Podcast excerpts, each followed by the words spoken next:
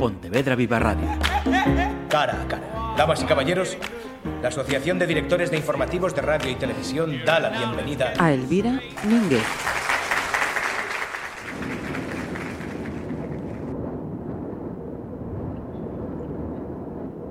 Marzo de 1896.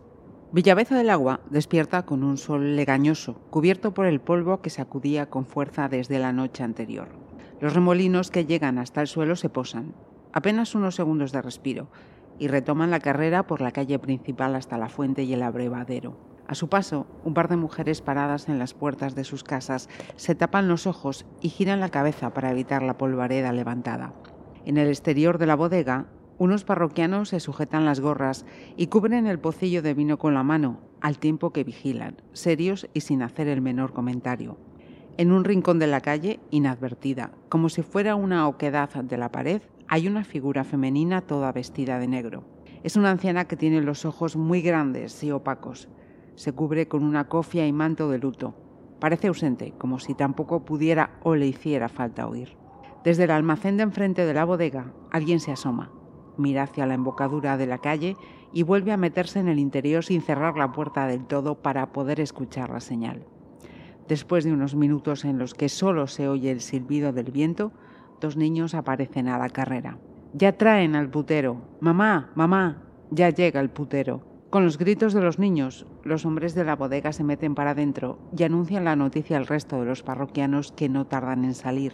Una de las mujeres caza al vuelo a uno de los chiquillos y lo intenta meter dentro de la casa sin conseguirlo, mientras que la otra va a avisar a las vecinas cercanas para después juntarse, dar un paso al frente y con los brazos cruzados esperar en silencio.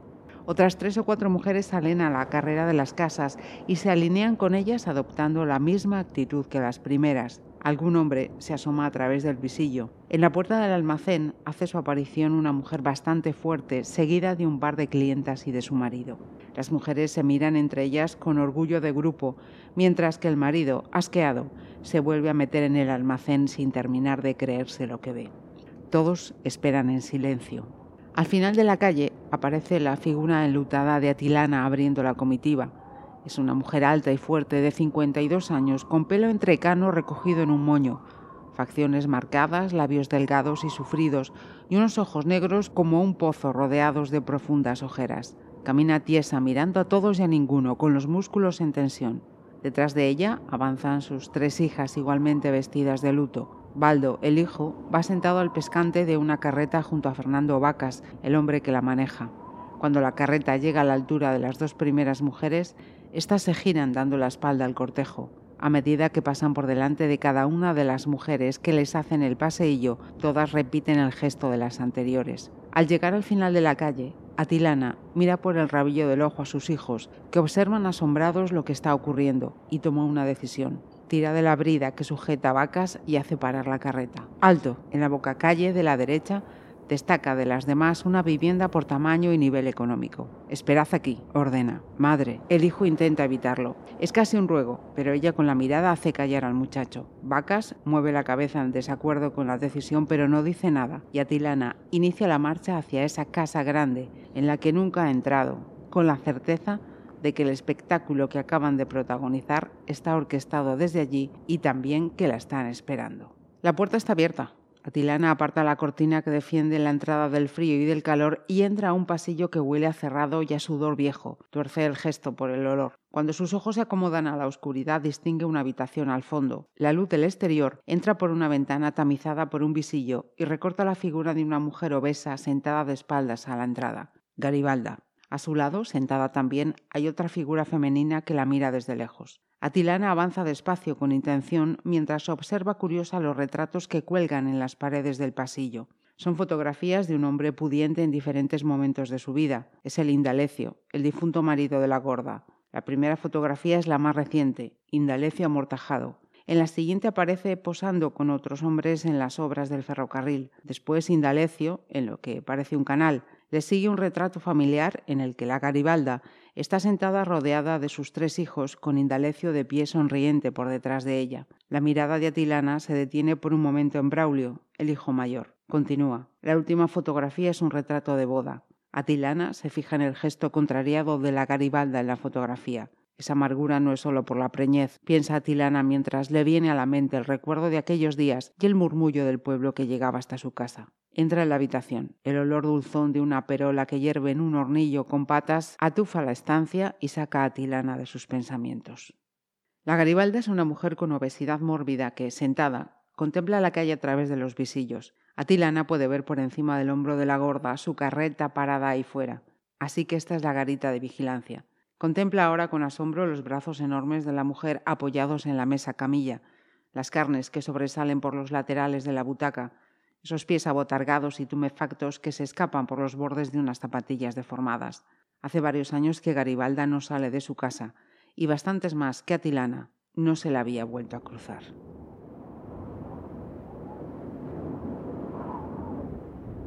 Si estáis escuchando este podcast, habéis tenido que ver el rostro de la invitada. Elvira Mínguez os resulta conocido por su trayectoria como actriz, primero en teatro y luego en cine.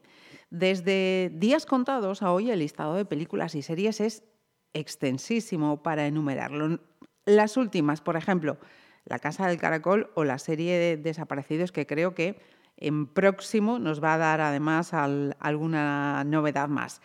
Y en esta ocasión queremos charlar con con la Elvira Mínguez, escritora, porque desde febrero tiene su primer título en el mercado editorial, La sombra de la tierra. Así que lo primero, Elvira, gracias y felicidades por este debut. Muchas gracias a vosotros, de verdad. Y, bueno, mira, maravilloso. Gracias también por, por, por lo que estás diciendo, por esa felicitación y por todo. Me hace mucha ilusión, la verdad. Mira, nos traes una ficción que no obstante bien podría haber sido una historia real de la España de finales del XIX. Se ubica en Villaveza del Agua, que es el municipio mm, de un municipio de la provincia de Zamora, en la comarca de Benavente, y que a día de hoy he visto que no alcanza los 200 habitantes. ¿Esta ubicación tan precisa, tan concreta, tan real, eh, fue azarosa o hay alguna razón en esa, en esa ubicación? Iba a decir educación, en esa ubicación, Elvira. Pues eh, no, no fue azarosa, fue, o sea, yo, que, vamos, por los personajes y todo esto sabía que iba a estar ubicada en, en la provincia de Zamora, pero es verdad que buscaba por cosas de, o sea, por la novela, buscaba un sitio donde pudiera haber eh, unas obras grandes que se hubiera podido contratar a hombres, ¿sabes? Si en un momento determinado se hubieran podido dejar, se hubieran quedado sin trabajo, ¿no? Por, por la novela. Eh, y entonces me encontré que en esa zona, bueno, estoy buscando las obras grandes hidráulicas, pero son posteriores, las obras eléctricas, los saltos de agua y todo esto, pero también son posteriores. Entonces encontré que en el 1860 y tantos empezaban a hacer los trazados de las primeras líneas de tren y había una línea que iba de Medina del Campo en Valladolid a Zamora con, el, con, el, con la idea de que llegara hasta aquí, hasta Galicia. Al pasar por el tramo de Villaveza del Agua, que era por donde estaba el trazado, se les hundía el terreno, porque eran acuíferos. Entonces me permitía ese sitio el que hubieran llegado unos hombres de otros sitios, despatriados y todo esto, a trabajar allí y que se hubieran quedado sin trabajo debido a, eso. ¿no? Entonces fue, fue una cuestión simplemente por, la, por documentación y lo que necesitaba para la novela. La sombra de la tierra tiene dos pilares, Garibalda y Atilana, pero mm, hay muchos más nombres femeninos en esta historia y otros masculinos, pero siempre supeditados a las mujeres o, difuntos. ¿Podría decir que es una novela matriarcal? Sí, yo creo que sí. Creo que es una novela que, habla así del matriarcado, ¿no? Sí. El hecho de, poner las, las, o sea, los personajes femeninos es que yo quería que estos, o sea, quería trabajar sobre, sobre personajes femeninos que tuvieran unas características que normalmente se les da a los personajes masculinos, ¿no? Estas dos mujeres, Garibalda y Atilana, son dos mujeres eh, manipuladoras, dos mujeres egoístas, eh, ambiciosas, que desean la aniquilación de, una de la otra y que son capaces de todo con, con el fin de llegar a conseguirlo, ¿no? Quería colocar esas mujeres que tuvieran esas características por eso, ¿no? Porque las mujeres también tenemos esas características, somos seres humanos y también podemos tener esos, esas características o esos defectos, ¿no? Y de alguna manera tengo la sensación como que hay que legitimar, ¿no? También a, que, a que, a que tenemos esos, esas malas. Esos instintos, ¿no? sí, sí, Claro, porque somos humanos exactamente igual, ¿no? Y entonces me apetecía mucho colocar el, punto, el, foco, colocarlo ahí. Ajá. Em, dos mujeres em, llevadas, absorbidas mm, por el poder y la, venganza que arrasan con todo, ¿no? Se nos pone a lo largo de todas esas páginas ese peligro tan brutal que tiene el, poder y, la venganza a costa de lo que sea. Sí, porque em, ellas lo que quieren es lo que te digo, básicamente, o sea, son dos mujeres que luchan por el poder, ¿no? Por una, por el poder que una tiene y, y que la otra desea conseguirlo, pero en el fondo luchan por la aniquilación una de la otra, ¿no? la, la, novela narra eh, las consecuencias de, de, unos hechos del pasado, ¿no? Hasta ese momento es como que todo ha estado quieto, ¿no? En una calma, falsa calma, ¿no?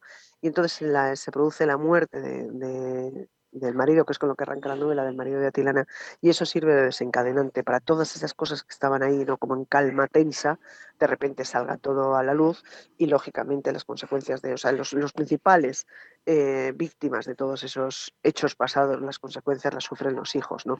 Y las consecuencias de, ese rencor, de ese afán de venganza, de ese, ese encono, ¿no? Que tienen una, una hacia la otra.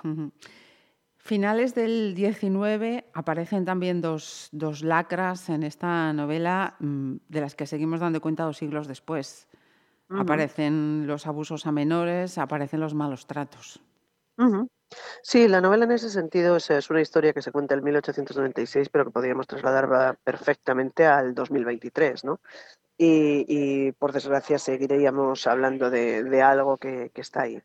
Es cierto que la diferencia, o sea, te iba a decir la diferencia entre uno y otro, bueno, es que no, no se puede hablar ni de diferencia. Es, es cierto que los abusos sexuales intrafamiliares es el tema tabú, ¿no? Yo siento, por lo menos, esta es mi opinión, que es el tema tabú en, en, nuestra sociedad, ¿no? que es tan vergonzoso y nos produce tanto rubor y, que, tendemos a mirar hacia otro lado y salvo que sean cosas muy, muy eh, extremas o que entonces es cuando, cuando sale. Pero por desgracia los, los, datos están ahí. El número de niños que sufren abuso intrafamiliar, abuso sexual, es enorme.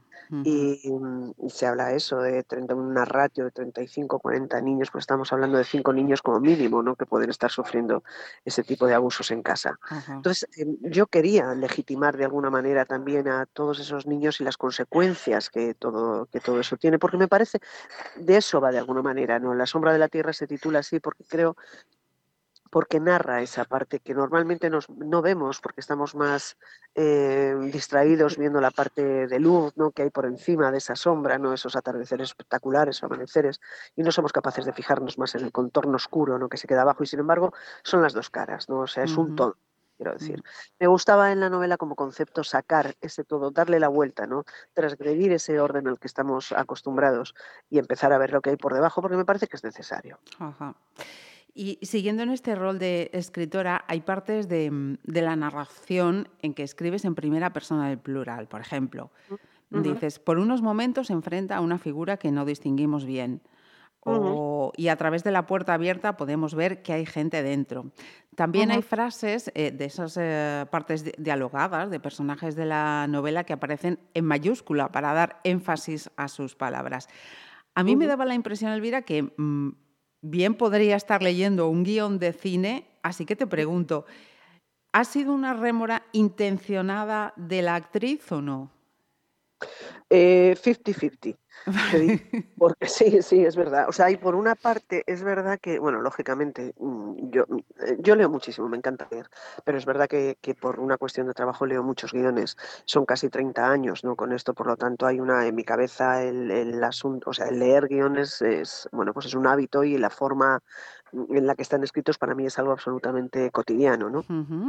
Por lo tanto, eso por una parte. Pero luego es verdad que yo soy consciente que la, historia que yo estoy contando es una historia a priori que podía no ser, eh, bueno, a priori no, o sea, no, eh, no, resulta verosímil. Quiero decir, en 1896 que exista una mujer como el poder, con el poder que puede tener Garibalda, que yo describo que puede tener Garibalda, es harto complicado, o por no decir imposible. Que existan mujeres, ¿sabes?, de este tipo, existirían, pero que sean ellas las, las que ejerzan ese poder y lo ejecuten, pues es muy complicado. Entonces, para darle verosimilitud y, que fuera veraz la novela, yo necesitaba que el, que el lector se metiera conmigo en el fango desde el primer momento.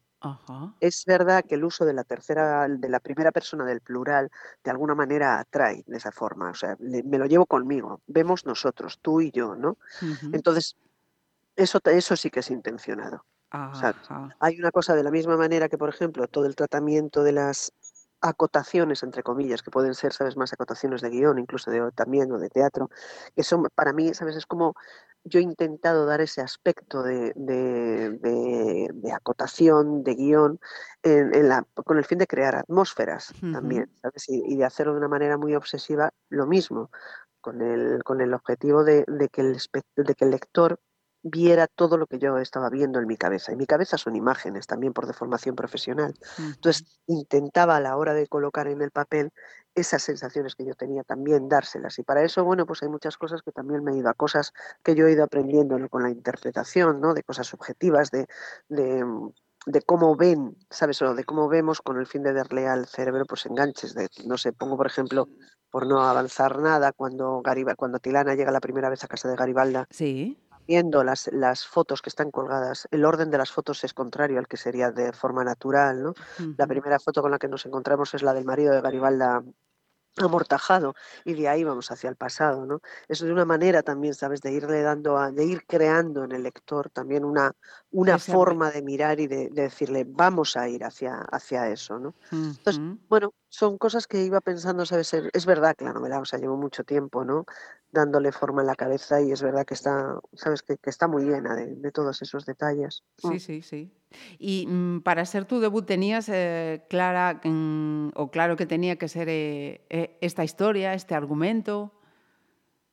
No he tenido nunca claro el hecho de, escribir, de verdad, no ha sido una cosa que, he pensado, bueno, voy a hacer, voy a escribir una novela, no. Ha sido algo bastante, de forma bastante natural. Escribo mucho sobre los personajes que hago, ¿no? Como manera de, de tener material sobre ellos, por si acaso sabes conocerlos y poder improvisar más, crear un marco de improvisación por si fuera necesario.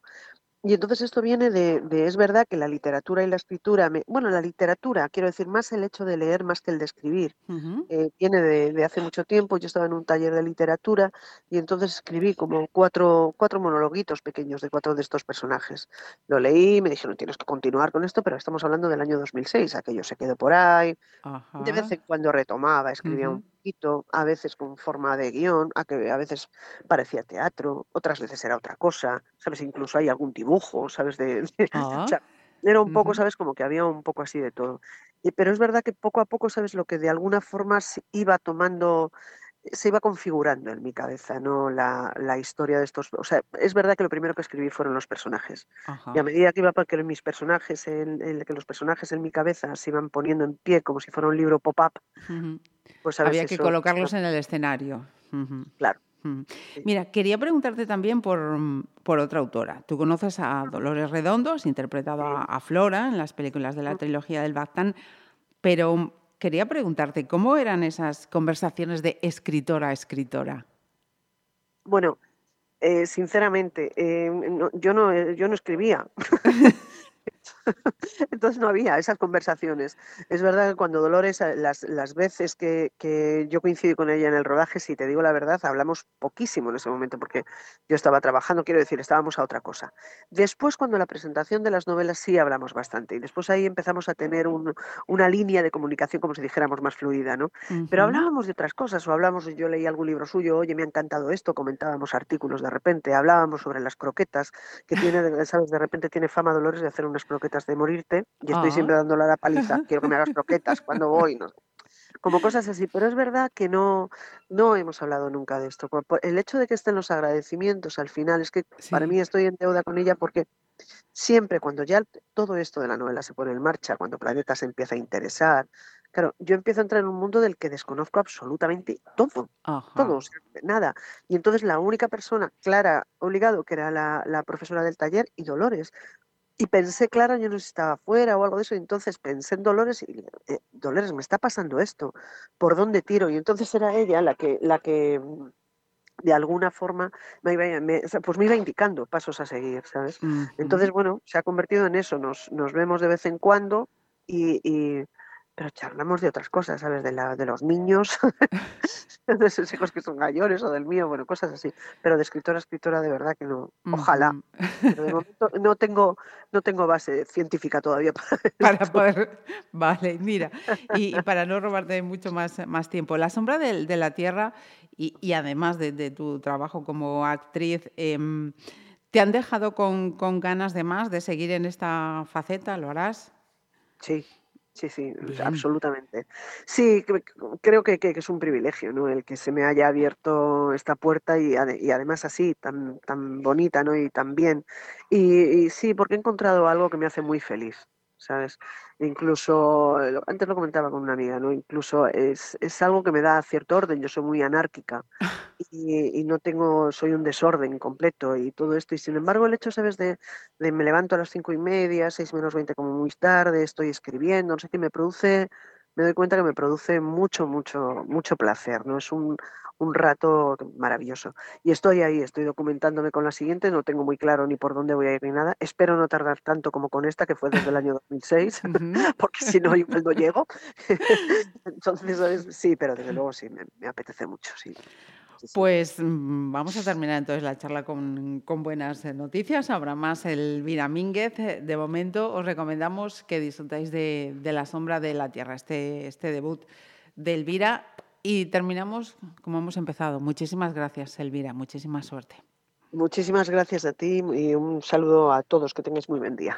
Pontevedra Viva Radio. ¿Me permiten que les haga un comentario como espectadores del programa Cara a Cara? Según un reciente sondeo de mercado, ustedes disponen de estudios e inteligencias superiores a la media. Sus intereses abarcan desde la actualidad mundial y la ciencia hasta el deporte y los espectáculos.